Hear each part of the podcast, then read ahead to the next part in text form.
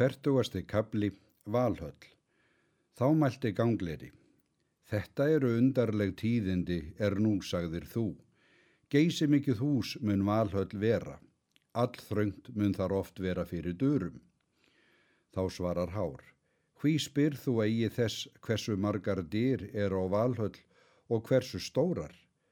Ef þú heyrir það sagt þá myndu segja að hitt er undarlegt ef eigi má ganga út og inn hver er vill. En það er með sönnu að segja að eigi er þrengra að skipa hana en ganga í hana. Hér máttu heyra í grímnismálum. 500 dura og á fjórum tögum, svo hygg ég á valhöllu vera. 800 einherja ganga senn ór einum durum, þá er þeir fara með vittni að vega. 41. kapli Einherjar Þá mælti gangleri. Allmikill mannfjöldi er í valhöll, svo njóti ég trúminnar að allmikill höfðingi er óðinn er hann stýri svo miklum herr. Eða hvað er skemtun einherjana þá er þeir drekka eigi. Hár segir, hvern dag þá er þeir hafa klæðst, þá herrvæða þeir sig og ganga út í gardin og berjast og fellir hver annan. Það er leikur þeirra og er líður að dögurðarmáli þá ríða þeir heim til valhallar og setjast til drikju svo sem hér segir. Allir einherjar óðins túnum í höggvast hverjan dag. Val þeir kjósa og ríða víi frá, setja meir um sáttir saman. En satt er það, er þú sagðir, mikill er óðin fyrir sér. Mörg dæmi finnast til þess, svo er hér sagt í orðum sjálfra ásanna. Askur Yggdrasils, hann er aðstur viða, en skýðblaðnir skipa. Óðinn ása, en jóa sleipnir, bifröst brúa, en bræi skálda, hábrók hauka, en hunda garmur. Fertugast og annar kabli, sleipnir og svaðilfari. Þá mælti gangleri. Hver á þann hest sleipni? Eða hvað er frá honum að segja? Hár segir, eigi kantu deili á sleipni og eigi veistu atbyrði af hverju hann kom, en það mun þér þykja frásagnar verðt. Það var snemma í öndverðabigð goðana þá er goðun höfðu sett miðgarð og gert valhöll Þá kom þar smiður nokkur og bauð að gera þeim borg á þrem missurum, svo góða að trú og örugværi fyrir bergrisum og hrímþursum þótt þeir komi inn um miðgarð. En hann mælti sér það til kaups að hann skildi eignast freyju og hafa vildi hann sól og mána. Þá gengu æsirnir og tal og réðu ráðum sínum og var það kaup gert við smiðin að hann skildi eignast það er hann mælti til ef hann fengi gert borgina á einum vetri, en hinn fyrsta sumarstag, ef nokkur hlutur væri ógjör að borginni, þá skildi hann af kaupinu.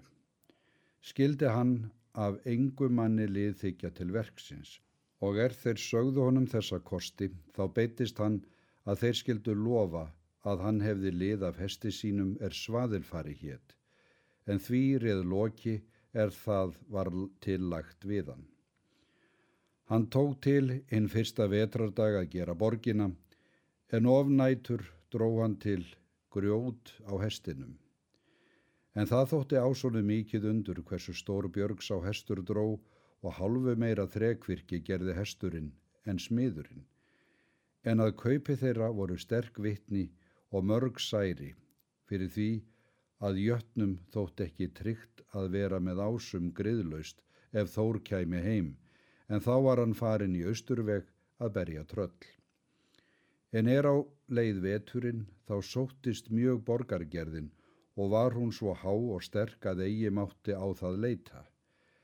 En þá er þrýr dagar voru til sömars, þá var komið mjög að borgliði.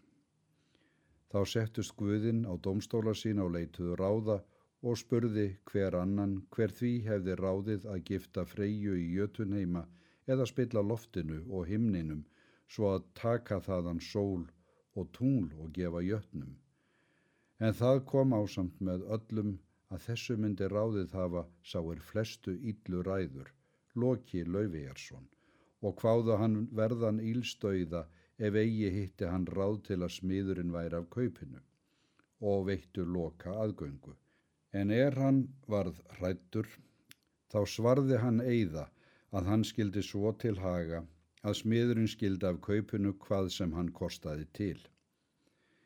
Og heið sama kveld er smiðurinn óg út eftir grjótunu með hestin svaðilfara, þá hljóp úr skói nokkur um meri að hestinum og reyn við.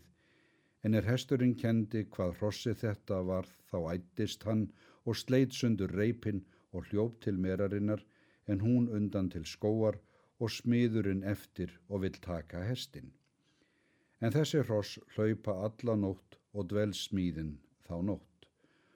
Og eftir um daginn var það ekki svo smíðað sem fyrr hafði orðið og þá er smiðurinn sér að eigimun lokið verða verkinu þá færði smiðurinn í jötunmóð. En er æsirnir sá það til vís að þar var bergrisi komin. Þá var þeigi þyrmt eigðunum og kölluðu þeir á þór og jafnskjótt koman.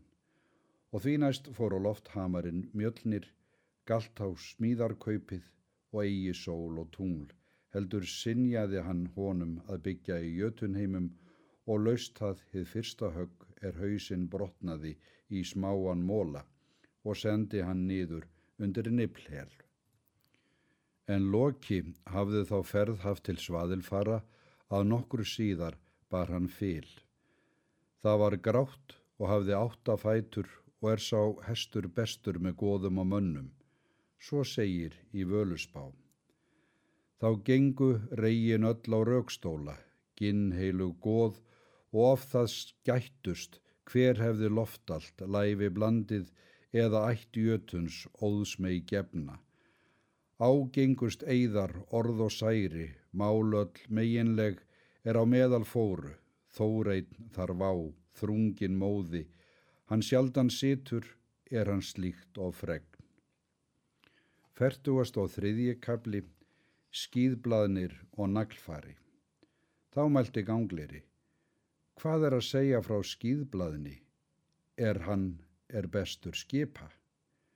Hvort er ekki skip jafngott sem hann er eða jafn mikið? Hár segir, skýðblaðnir er bestur skip hanna og með mestum hagleg ger en naglfari er mest skip. Það er á músbell. Dvergar nokkrir, sinir Ívalda, gerðu skýðblaðni og gáðu frey skipið. Hann er svo mikill að allir æsir mega skipa hann með vopnum og herbúnaði og hefur hann byr þegar segl er dreyið hvert er fara skal.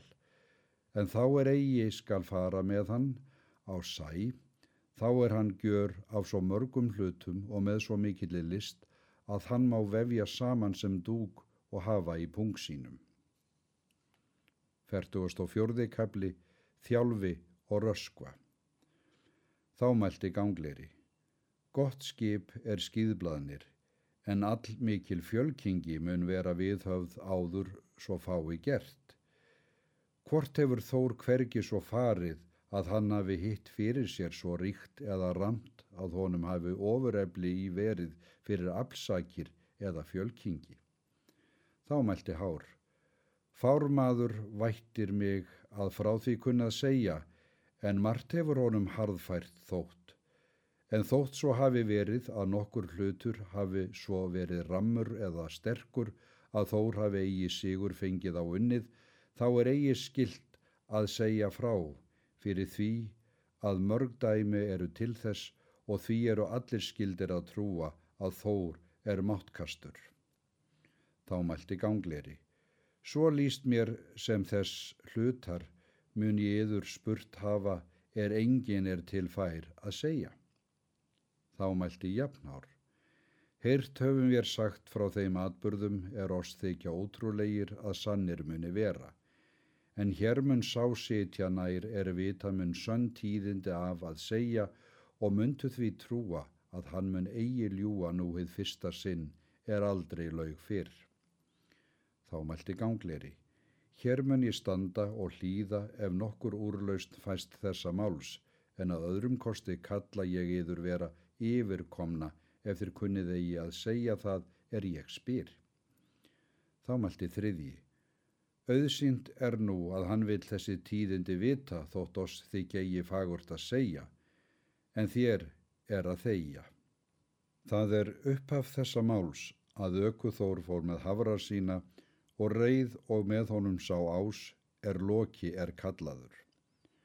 Koma þeir að kveldi til eins búanda og fá þar náttstað, en um kveldið tók þór hafrar sína og skar báða. Eftir það voru þeir fleignir og bornir til ketils, en er sóðið var þá settist þór til náttverðar og þeir lagsmenn. Þór bauð til matar með sér búandanum og kona hans og börnum þeirra. Sónur búanda hétt þjálfi en rösk var dóttir. Þá læði Þór hafur stökurnar utar frá eldinum og mælti að búandi og heimamenn hans skildu kasta á hafur stökurnar beinunum. Þjálfi, són búanda, hjælt á lærleik hafursins og spretti á knífi sínum og brauð til merkjar. Þór dvaldist þar of nóttina. Henni óttu fyrir dag stóð hann upp og klætti sig, tók kamarinn mjölni og brá upp og výgði hafurstökurnar.